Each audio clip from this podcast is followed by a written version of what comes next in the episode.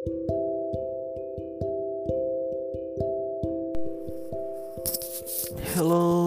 selamat pagi, selamat siang, selamat sore, selamat malam Untuk kalian semua pendengar setiaku Di mana pun kalian semua berada Baik yang ada di sekitaran Rangkas Bitung Banten, Indonesia, Asia Tenggara, benua Asia Dan semuanya deh pokoknya buat kalian semua.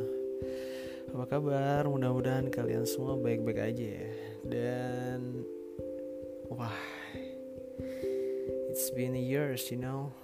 Like terakhir tuh emang 2019 ya. Masa-masa ketika gue emang lagi kenceng-kencengnya buat bersuara. Sekarang udah 2021 aja nih by the way tahun 2020 kemarin emang tahunnya buat introspeksi lagi sih. Sebenarnya banyak banget achievement yang udah gue raih. Yang pertama Alhamdulillah 2019 akhir gue udah dapet titel jadi MPD enggak tuh? Magister Pendidikan. Karena gue ngambil S2 nya emang pendidikan bahasa Inggris gitu ya dan achievement selanjutnya adalah gue juga bikin awal Januari itu dari ya Januari 2020 gue bikin ya kafe kecil-kecilan sama teman gue gak kecil sih lumayan medium lah dengan modal yang wow. Mungkin kalian semua yang pernah buka kedai kopi atau kafe ngerti lah ya. Dengan modal yang lumayan tiga digit. Hasil dari ya ada investor lah waktu itu. Which is investornya itu emang orang tuanya teman gue sendiri sih. Berjalan tiga bulan ke, langsung dihantam sama pandemi. Yes covid-19 harusnya sih emang bikin pas 2020 kemarin ya. Cuman karena you know kehidupan ini fluktuatif jadi ada naik ada turun ada lagi semangat ada lagi bosen ada lagi rajin ada lagi males ya. You know like we live in the paradox life. Paradox banget emang. Nah welcome to my podcast di tahun 2021 ini. Kayaknya bakalan bikin beberapa episode ya cerita-cerita masih tentang seputar kehidupan dan selamat bagi pendengar-pendengarku mungkin yang sudah di antaranya termotivasi, ada juga yang terinspirasi. Karena gue lihat perkembangan pembahasan tentang dunia yang kita tempati ini makin banyak aja tuh mulai dari pod, di podcast itu sendiri ya sampai ke di YouTube juga banyak channel-channel yang ngebahas hal yang sama dan gue baru tahu aja nih Anchor udah diakuisisi sama Spotify ternyata. Jadi emang iya emang pinter juga sih ya. Spotify ini beli Anchor karena emang ya paling banyak kalau gue lihat di analitik gue nih pendengarnya itu dari Spotify dibanding dari Apple Podcast atau Google Podcast. Well jadi so gimana ya? Gimana cara mulainya nih? Udah kaku banget soalnya jadi mungkin untuk awal-awalan ini sih gue mau bahas tentang yang udah gue janjiin dari lama ya. Tentang percintaan kali karena ini adalah materi yang atau topik yang relate banget lah sama kehidupan kita semua nih. Terutama pendengar gue nih paling banyak secara analitik dari umuran 21 sampai 27 tuh. Eh sorry 23 sampai 27 yang mana berarti milenial ya dan berbicara tentang cinta emang tidak ada akhirnya. Dari zaman dulu banget ketika manusia sudah ada, ya cinta adalah topik yang begitu seksi untuk dibahas dan tidak ada hidup jika tidak ada cinta. Kalau kata Bang Roma sih hidup tanpa cinta Bagai taman tak berbunga kata para pujangga Ya jadi Cinta ya. Cinta adalah gimana ya? Cinta itu emang sulit didefinisikan karena menurut gue cinta itu adalah subjektif. Jadi orang yang bisa mengartikannya adalah orang-orang yang pernah mengalami yang sedang mengalami cinta itu sendiri. Jadi kalau dilihat-lihat dan dirasa-rasa perjalanannya sampai gue ke titik umur 27 alhamdulillah udah tua aja nih. 2021 ini genap 27 tahun. Jadi berbicara tentang cinta ya seenggaknya bisa lah ya.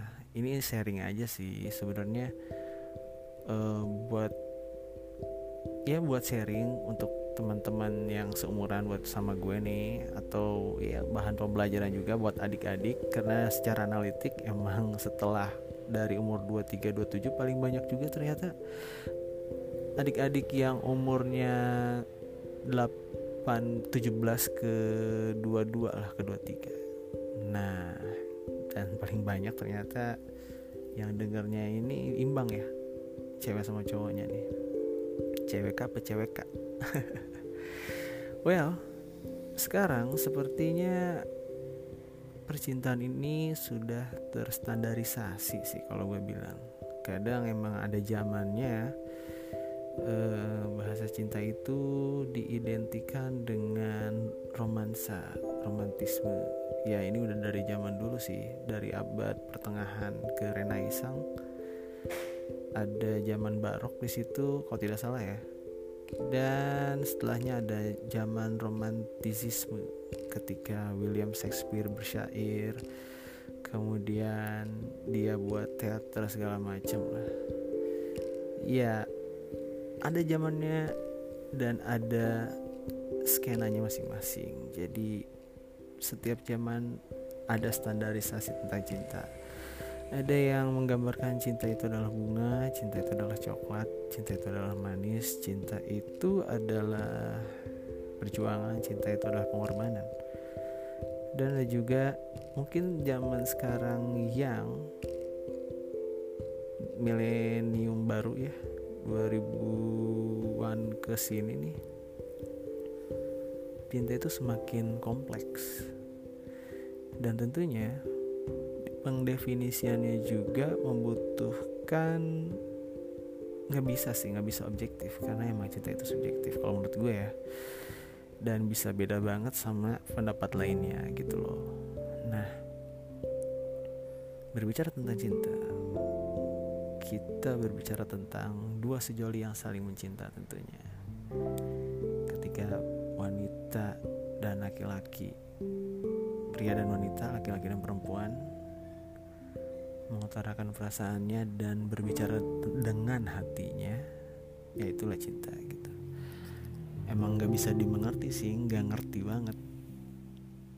Kadang jalan gitu aja kadang harus ada pembuktian kadang juga tahu-tahu udah jadi aja gitu. Loh kayak yang gue rasain sekarang sih.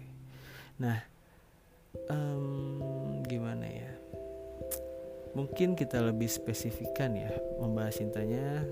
Seperti judul yang gue bikin sekarang adalah moving on. Oke okay. bagaimana sih yang dimaksud dengan moving on itu? Namanya memilih pasti cocok-cocokan. Kayak misalkan kita beli aja kan pasti kita memilih dengan suasana hati atau kondisi yang kita butuhkan. Tetapi kadang terjadi seperti ini, kita memilih uh, atas dasar apa yang kita inginkan. Which is kalau mungkin kalian mengerti, mungkin ada teman-teman juga yang melakukan uh, investasi ya atau ada teman-teman yang emang paham secara finansial segala sesuatu yang dibelikan atau dibayarkan dengan mengikuti keinginan itu adalah investasi yang buruk. Ya yang bagus itu kan mengutamakan yang kita butuhkan dengan skala prioritas tentunya. Yang udah sering banget gue bahas di episode-episode sebelumnya tentang skala prioritas menentukan uh, mana yang lebih utama mana yang sekundernya dan mana yang tersiernya dan mana yang bagian hiburannya gitu ya. Oke. Okay. nah namanya cocok-cocokan ya pasti kita mengarungi petualangan di situ. Mungkin kalau gue cerita ya gue sendiri ya dari SD mungkin kita mengenal nama cinta monyet tuh. Cinta monyet. Ya mungkin karena disebut cinta monyet karena suka aja kali ya sama lawan jenis kita. Dan kita tertarik gitu. Udah baper aja langsung. Terus kayak SMP juga sama. Momennya banget kan tuh gonta-ganti temen main lah dalam tanda kutip gitu dan sama SMA juga begitu.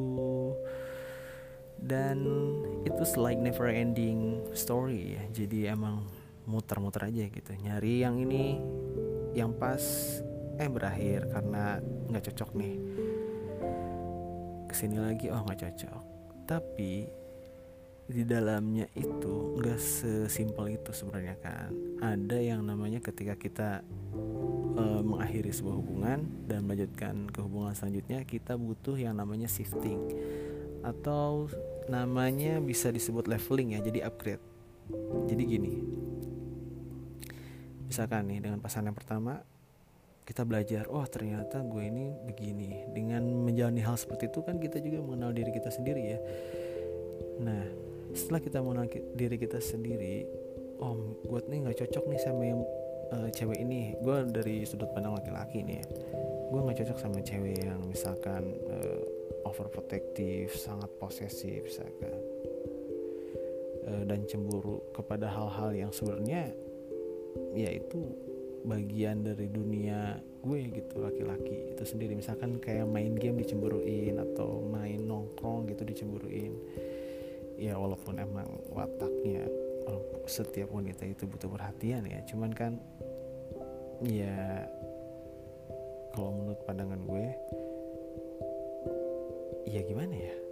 Setiap manusia kan punya kehidupan dan dunianya masing-masing gitu. Cuman ketika kita memilih pasangan ya kita memilih yang emang sefrekuensi dan saling support aja sih sebenarnya. Nah ketika misalkan gagal sama pasangan yang pertama nggak cocok nih kita ke pasangan yang kedua. Di situ update kita belajar kan oh ternyata gue butuh yang uh, support gue nih gitu. Atau ternyata kita butuh yang enak diajak ngobrolnya gitu bukan hanya sekedar cantiknya. Yang kedua gagal misalkan gara-gara uh, toxic relationship misalkan ya dianya selingkuh lu juga selingkuh misalkan nah kemudian ke pasangan yang selanjutnya lagi nah dari uh, dari pasangan 1 2 3 kita melewati masa shifting. Shifting itu masa apa ya? Bahasa Indonesia-nya apa ya? Kayak uh, apa ya shifting? Hijrah, leveling gitu ya, upgrading lah.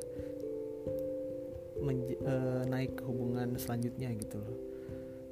Bukan naik sih apa ya namanya? Tolong dibantu lah ya. Jadi pokoknya shifting shifting ini di dalam shifting ini kita melalui proses yang namanya moving on jadi begini banyak mungkin teman-teman yang pernah menjalani hubungan yang lama banget ya walaupun variatif ya namanya juga dunia cocok-cocokan gitu ada yang dua hari jadian langsung putus banyak. Terus dua mingguan ada yang satu bulan tiga bulan empat bulan lima bulan tahunan juga banyak. Setahun dua tahun tiga tahun ada yang mungkin sampai 10 tahun dan gak cocok dan berakhir dengan udahan aja. Itu banyak. Tapi untuk shifting dalam proses shifting artinya melangkah ke hubungan selanjutnya oh ya shifting itu melangkah ya. Di situ ada dan harus melalui proses moving on. Nah, nah berisik banget kan tuh motor karena gue lagi ada di rumah gue nih yang notabene emang pinggir jalan banget. Oke, dalam proses moving on, jadi begini, setiap hubungan dengan orang baru sudah sepatutnya lah kita hmm, me, apa ya, ya dikatakan menghapus semua kenangan masa lalu kita sendiri ya. Jadi supaya kita bisa uh, mulai ya brand new start gitu brand new beginning memulai sesuatu yang baru gitu. Karena kita rasa emang masa lalu kita itu udah buruk banget makanya kita udahan. Nah dalam mempersiapkannya tentunya banyak banget eh, tahap-tahapnya tuh. Misalkan begini gue gambarkan ya Rama dan Cinta adalah dua sejoli ini. Yang ya awalnya satu bulan mereka aktif lah saling mencintai saling perhatian. Wah pokoknya lagi zaman anget-angetnya banget. Udah lama dia menjalani fluktuasi hubungan ada yang masanya sakit hati kehibur lagi sakit hati lagi kehibur lagi baikan lagi makin dekat dan itulah percintaan. Ada asam manis pahitnya. Kemudian hubungan mereka berakhir gara-gara ya makin lama hubungan berjalan tanpa arah dan tanpa visi yang jelas ya pasti akan berakhir gitu loh. Karena nggak tahu kan arahnya mau ke mana jadi di situ ada kebingungan dan kejenuhan artinya tidak ada visi yang jelas terutama dari si laki-lakinya. Kenapa? Karena yang namanya menjalani hidup kan kita emang harus punya visi yang jelas ya supaya tahu arahnya ke mana dan misi-misinya tuh jelas juga gitu. Abis ini ngapain ngapain lagi ngapain lagi? Ya kayak yang gue ceritain di podcast gue sebelumnya tentang uh, mindset atau apa gitu ya. Gue sendiri lupa ya podcast gue jadi emang harus tertata rapi lah gitu. Ada ada tujuannya juga yang jelas. Nah Rama dan Sinta ini akhirnya mengakhiri hubungan mereka. Si Rama deket lagi nih sama cewek barunya namanya siapa ya? Rama Sinta eh pewayangan siapa lagi namanya? Hmm, Dasimah lah ya. Nyai Dasimah. Campur-campur nggak apa-apa ya Rama dekat sama Dasimah lagi nih nah dalam proses mendekati Dasimah yang namanya hubungan baru itu pasti mengalami masa benturan, gesekan, e, peleburan. Jadi ada e, proses pencocokan antara dua insan manusia nih.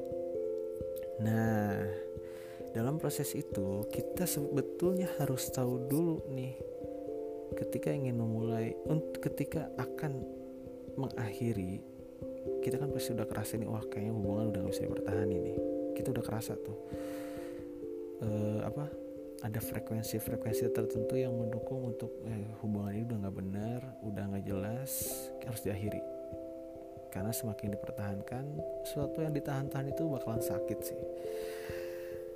Nah, makanya berakhir hubungannya. Nah, kemudian setelah berakhir, si Rama ini mempersiapkan dirinya. Jadi setelah berakhir, dia berdiam diri dulu selama beberapa bulan. Macam-macam kan orang ada yang healingnya itu bisa cepat bisa juga lambat. Dan si Rama ini kebetulan dia butuh waktu healing selama lima bulan. Nah dalam proses lima bulan itu dia mulai lagi mencintai dirinya sendiri mulai lagi upgrading dirinya sendiri dan menyesuaikan dengan ya pokoknya gua dulu kayak begitu nggak boleh turang lagi nih di gua yang baru gitu loh setelah lima bulan akhirnya dia akhiri semuanya tuh. Semua file-file dia udah dihapus semuanya udah well prepare banget udah dihapus udah mencoba melupakan lah. Dia mulai cari hobi baru dia mulai hang out sama teman-temannya lagi mencari kesibukan lagi dan dia mulai mencintai dirinya sendiri dengan punya visi sendiri gitu loh. Jadi ada tujuan nih hidupnya dia karena tidak mungkin hubungan yang baik, hubungan yang sehat tanpa adanya self love dulu. Karena self self love itu penting. Ya, mencintai diri sendiri dulu baru mencintai orang lain. Nah, banyak banget kan sekarang quote-quote seperti itu. Cintai diri kamu sendiri dulu. Artinya, ya kita bikin happy diri kita sendiri dulu, sehatin jiwa raga kita dulu, baru kita bisa menjalani yang hal baru dengan orang lain. Dan tentunya hmm, hal-hal hmm, yang menarik adalah hal-hal yang bisa uh, membuat pasangan kita yang baru tuh bisa nyaman gitu loh. Ya gimana ya ya segala sesuatu yang seru itu kan atraktif banget sangat menarik kan. Buatlah diri kita seru buatlah diri kita emang layak untuk didekati. Kayak gini lah kita pasti seneng banget kan lihat orang-orang yang ih hidupnya tuh beruntung happy gitu loh. Kita pengen banget kan gaul sama orang-orang seperti itu. Ya sama halnya dengan diri kalian gitu loh kalau kalian emang pengen menarik di mata orang lain buatlah hidup kalian juga semenarik itu. Dan setiap orang punya caranya sendiri-sendiri gitu loh. Kebetulan si Rama ini dia sukanya uh, dia punya hobi baru. Hobi barunya itu hmm, traveling lah ya. Jadi si Rama ini hobinya traveling. Dia posting foto-foto yang menarik gitu loh selama masa pen, masa apa masa healingnya itu selama lima bulan itu masa penyembuhannya. Dan dari situ juga akhirnya dia ketemu sama salah seorang yang sefrekuensi jadi mulai dari love love apa postingan Instagramnya gitu loh. Ih suka banget nih foto di sini. Dan dia bernama uh, siapa tadi? Dasima Dasima juga ternyata adalah orang yang sedang dalam masa healing nah Dasima akhirnya satu frekuensi kan sama dia nih sama-sama suka traveling sama-sama suka Eh, hal-hal uh, yang baru. Jadi si Dasima dan Rama singkat cerita mulai ada komunikasi di situ. Mereka mulai bikin project bareng. Nah sebetulnya pasangan yang sukses adalah pasangan yang bisa bikin project baru nih berdua. Jadi bukan hanya sebagai pasangan pasangan kan bisa diartikan sebagai teman gitu ya sahabat. Ya terus love buddy lah ya. Tempat berbagi tempat sharing tempat berkeluh kesah. Tapi juga sebagai partner di situ. Kalau udah berbicara tentang partner artinya kita berbicara tentang saling support dan saling dukung gitu. Dan akhirnya Rama dan Dasima ini ngebuat project baru ya semacam travel vlog kemudian mereka bikin blog-blog tentang wah keseruan-keseruan dari setiap kota dan makanannya kulturnya akhirnya mereka keliling Indonesia dan tidak lama mereka menikah dan hidup bahagia. Bagi si Rama ya bahagia juga kan subjektif. Kita tidak bisa menilai kebahagiaan orang dengan kadar dan kacamata kita sendiri betul nggak sih? Iya dong. Oke jadi dari cerita itu bisa kita simpulkan bahwa untuk memulai hubungan yang baru. Kita juga harus membuat diri kita yang baru diri kita yang benar-benar siap menjalani hubungan yang baru dengan cara benar-benar kita moving on dulu tuh. Kita hapusin dulu semua kenangan yang dulu emang kita rasa oh nggak nggak bener nih udah nggak bener gitu ya. Dan keterbukaan itu penting dalam masa pendekatan. Jadi kan setelah healing kemudian e, membangun diri sendiri oke okay, self love self loving mencintai diri sendiri dari situ memulai hubungan pendekatan. Nah, di pendekatan ini di situ ada uh, mix and match gitu ya. Jadi matching-matching tentang ah, kesukaannya sama nih tentang hal yang masih manis lah gitu. Nah setelah itu kan dari pendekatan masuk ke jenjang yang baru mungkin udah jadian ya. Nah di sini ini ketika sudah jadian itulah di situ ada proses yang namanya keterbukaan. Dan ini harus kontinu sebenarnya. Segala sesuatu itu dalam hubungan yang berkomitmen harus ada keterbukaan. Ya tentunya untuk jenjang selanjutnya lagi untuk suami istri juga harus ada keterbukaan. Ini menurut gue ya. Mungkin menurut kalian yang sudah pengalaman berbeda-beda tapi ini menurut gue dan masukan buat gue aja nih gambaran dari gue sudut pandang gue buat kalian semua yang kebetulan lagi moving on dan buat adik-adik teman-teman yang masih umuran belasan juga supaya ada gambaran lah gitu ya. Nah keterbukaan ini penting. Kalau misalkan proses moving kan namanya hidup kan dinamis banget ya. Ada ya orang yang setelah udahan mengakhiri hubungannya dia ke proses healing kan. Setelah proses healing nah di situ masih moving on tuh selama healingnya masih proses. Dan ketika masuk ke tahap pendekatan dan udah jadian misalkan baru terbuka gitu loh menjelaskan ke pasangannya oh aku tuh dulu begini-begini sama dia tuh jeleknya tuh begini begini begini. Dan ya kita emang harus siap harus siap menerimanya. Misalkan nih masih ada foto-fotonya di galerinya dia dan pasangannya atau dia sama ya cerita dia lah gitu ya kita harus berbesar hati. Oh oke. Okay, ini ini lu dulu ya. Ya walaupun ya setiap orang sih pasti ada gedeknya juga ya. Kayak kalau bahasa Sundanya mah senep gitu. Keulangan jadi ya emang harus kita jalani dan harus kita lalui sih proses itu. Mau nggak mau. Karena emang ya itu tadi yang gue bilang. Dalam proses uh, berpasangan itu terjadi peleburan pergesekan supaya menjadi satu kesatuan gitu loh. Dan itu hal yang sangat sangat wajar. Dan tentunya memilih pasangan yang dewasa artinya pasangan yang bisa menerima bisa memahami dan bisa mengetahui gitu ya. Bahwa ya let the past be the past let gone be bygone. Segala sesuatu yang sudah berakhir ya sudah masa lalunya ya masa lalu dia. Dan kita harus bisa menerimanya gitu. Jadi ya nggak salah juga kalau misalkan lu semua dekat sama uh, pasangan lu yang sekarang ini terus nemuin di galerinya ada foto-foto yang tentang masa lalunya ya bahas aja sekalian sekaligus. Karena segala sesuatu yang dipendam itu bakalan jadi penyakit sih. Gue baca uh, psikoanalisis dari Sigmund Freud salah seorang psikolog terkenal tahun 40-an lah ya. 40-50an dia terkenal banget. Dia mengatakan bahwa hal-hal yang kita uh, apa ya kita skip itu tersimpan di alam bawah sadar kita sendiri. Jadi misalkan nih kita mewajarkan segala sesuatu contoh begini. Uh, kita jalan nih. Si Rama dan Dasima misalkan jalan nih ya cari makan lah keliling. Eh si Dasima kasih tahu ke si Rama eh itu ada eh itu si si itu ya siapa? kata si Rama. Oh itu mantan kamu ya? Iya yaudah yaudah ayo yuk gitu.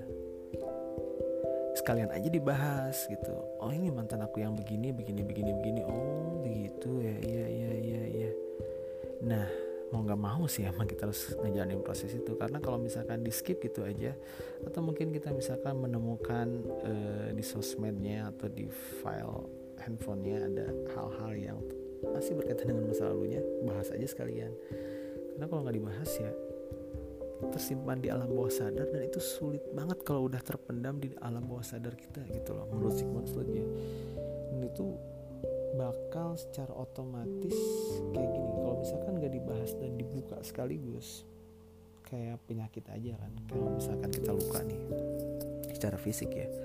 Kita terluka terus lukanya tuh didiamin aja nggak dibersihin nggak dibalut nggak dikasih antiseptik ya luka itu akan membusuk gitu aja kan bahkan melebar. Dan salah-salah mungkin kalau lukanya ada di kaki bisa diamputasi dan segala macam ya well that will be bad things you know. Jadi kalau ada luka langsung bersihin langsung kita bahas tuh. Menemukan hal yang janggal langsung kita bahas. Kayak misalkan uh, kayak gini sih kayak bahasa cinta orang kan beda-beda nih. Dan ini hal yang menarik karena kebetulan gue sekarang lagi sama Ellen. Ellen Indah Permatasari Hai kamu yang di lagi di rumah mungkin ngedengerin podcast aku juga nih jadi kita mulai ke aduh berisik banget motor. Kita mulai menjalani hubungan yang begitu. Jadi segala sesuatunya terbuka. Mungkin dalam kita menjalani hubungan tuh ya masih memahami sifat-sifat lah ya. Sifat-sifat kalau misalkan oh bahasa cinta aku hmm, harus ketemu aja nih. Oh bahasa cinta aku ini harus kontak fisik. Oh bahasa cinta aku mah harus diperhatiin terus nih. Itu komunikasikan. Maunya kamu maunya pasangan kamu itu harus dikomunikasikan. Karena kalau tidak dikomunikasikan kita bukan makhluk yang serba tahu ya. Kita kan cuma manusia aja yang terbatas.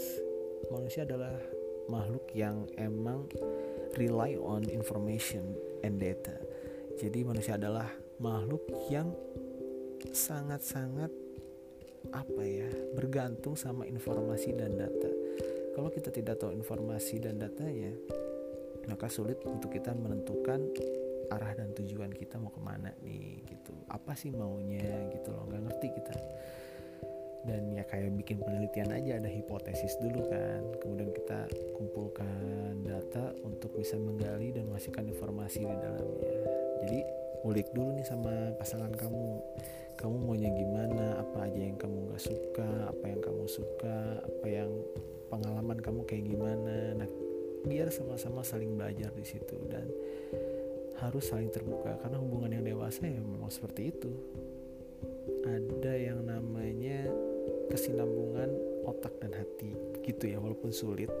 Dan gue ngerasain itu sulit banget. Cuman kalau dewasa tuh ada saling kontrol gitu. Makanya aku bersyukur banget nih sama Ellen ya. Thank you banget sayang yeah ramai banget gak sih? Oke okay, jadi seperti itu. Yang namanya moving on harus ada support dari kedua belah pihaknya nih. Jadi nggak bisa. Gue paling males banget ada kata-kata aduh gue berjuang banget di sendirian. Di sisi lain si pasangannya oh gue udah habis-habisan gue udah berkorban anu anu. Hey cinta itu bukan transaksional ya tapi tentang accepting. Cinta itu bukan hal yang lu jual gue beli segala macam memang harus berbalas cuman nggak gitu konsepnya. Tidak harus yang uh, kalau gue ngasih ini oh lu harus ngasih ini juga ke gue kalau gue ngelakuin ini gue ngelakuin itu. Bahkan jeleknya sampai ke dendam kan. Oh gue digini ini lu juga harus ngerasain hal yang sama. Well itu adalah hal yang sangat-sangat merusak dan itu bisa dikatakan toxic relationship gitu loh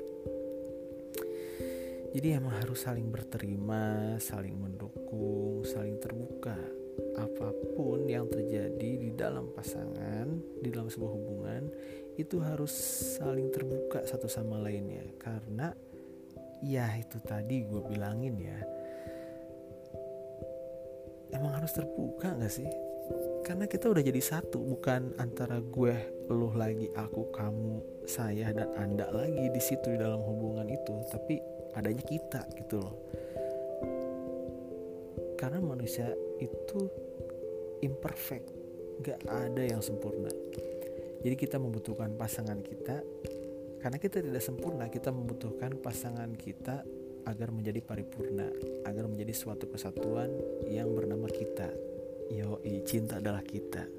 Boleh tuh di upload tuh di sosmed kalian buat jadi kuat. Tapi jangan lupa ya nama gue nya tulis Denny Hinza gitu loh.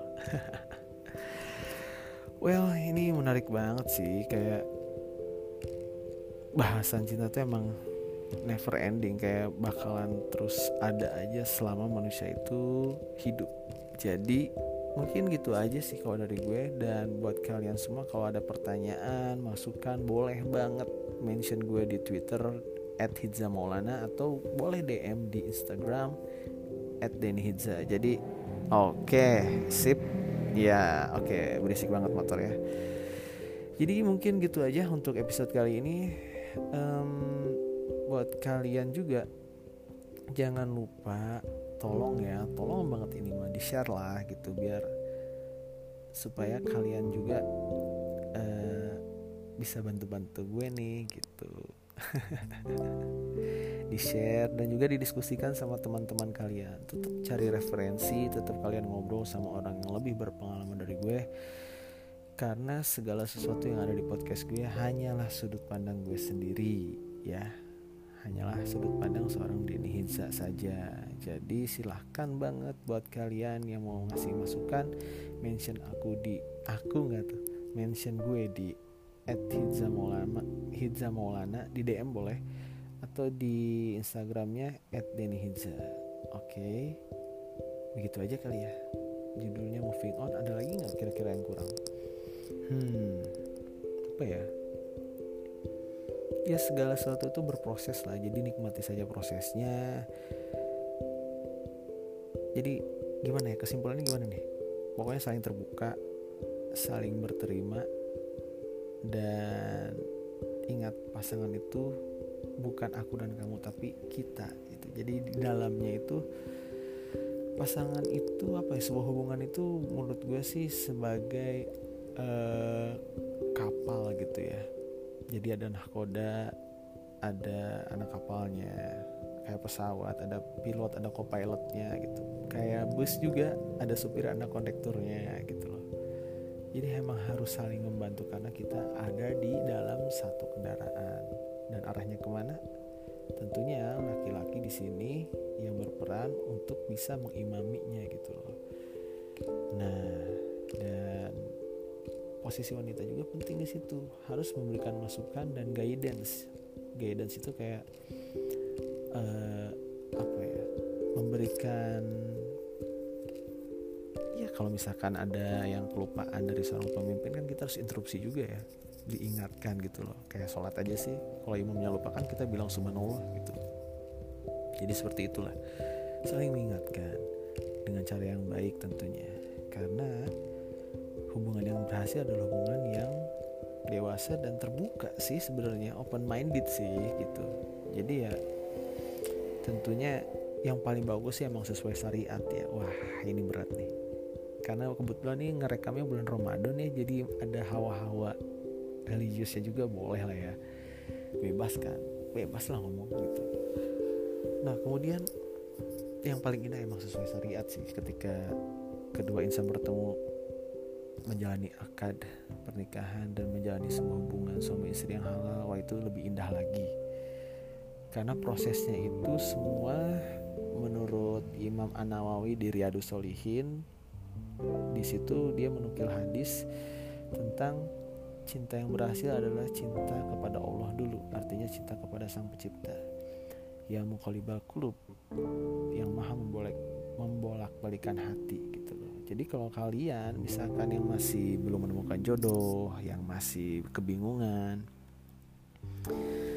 ya ngobrol aja sama yang punya hatinya gitu loh. Yang punya hatinya kan Tuhan Allah. Jadi ya ya udah minta gitu loh. Minta tolong minta banget minta yang seperti apa gitu loh. Kalau kalian suka sama seseorang ya bilang. Karena ya langsung aja ngobrol sama yang punya hatinya gitu. Ya begitulah ya. Mudah-mudahan yang masih pacar-pacaran segera menikah dan yang bagi sudah menikah mudah-mudahan sakinah mawadah dan warohmah. Mudah-mudahan langgeng terus sampai menjadi para penghuni surganya Allah nanti amin. Dan bagi yang masih jomblo mudah-mudahan dipertemukan dengan takdirnya yang indah oke. Begitu aja mungkin cukup ya? Cukup lah ya yaudah terima kasih atas perhatian kalian semua. Assalamualaikum warahmatullahi wabarakatuh. Bye bye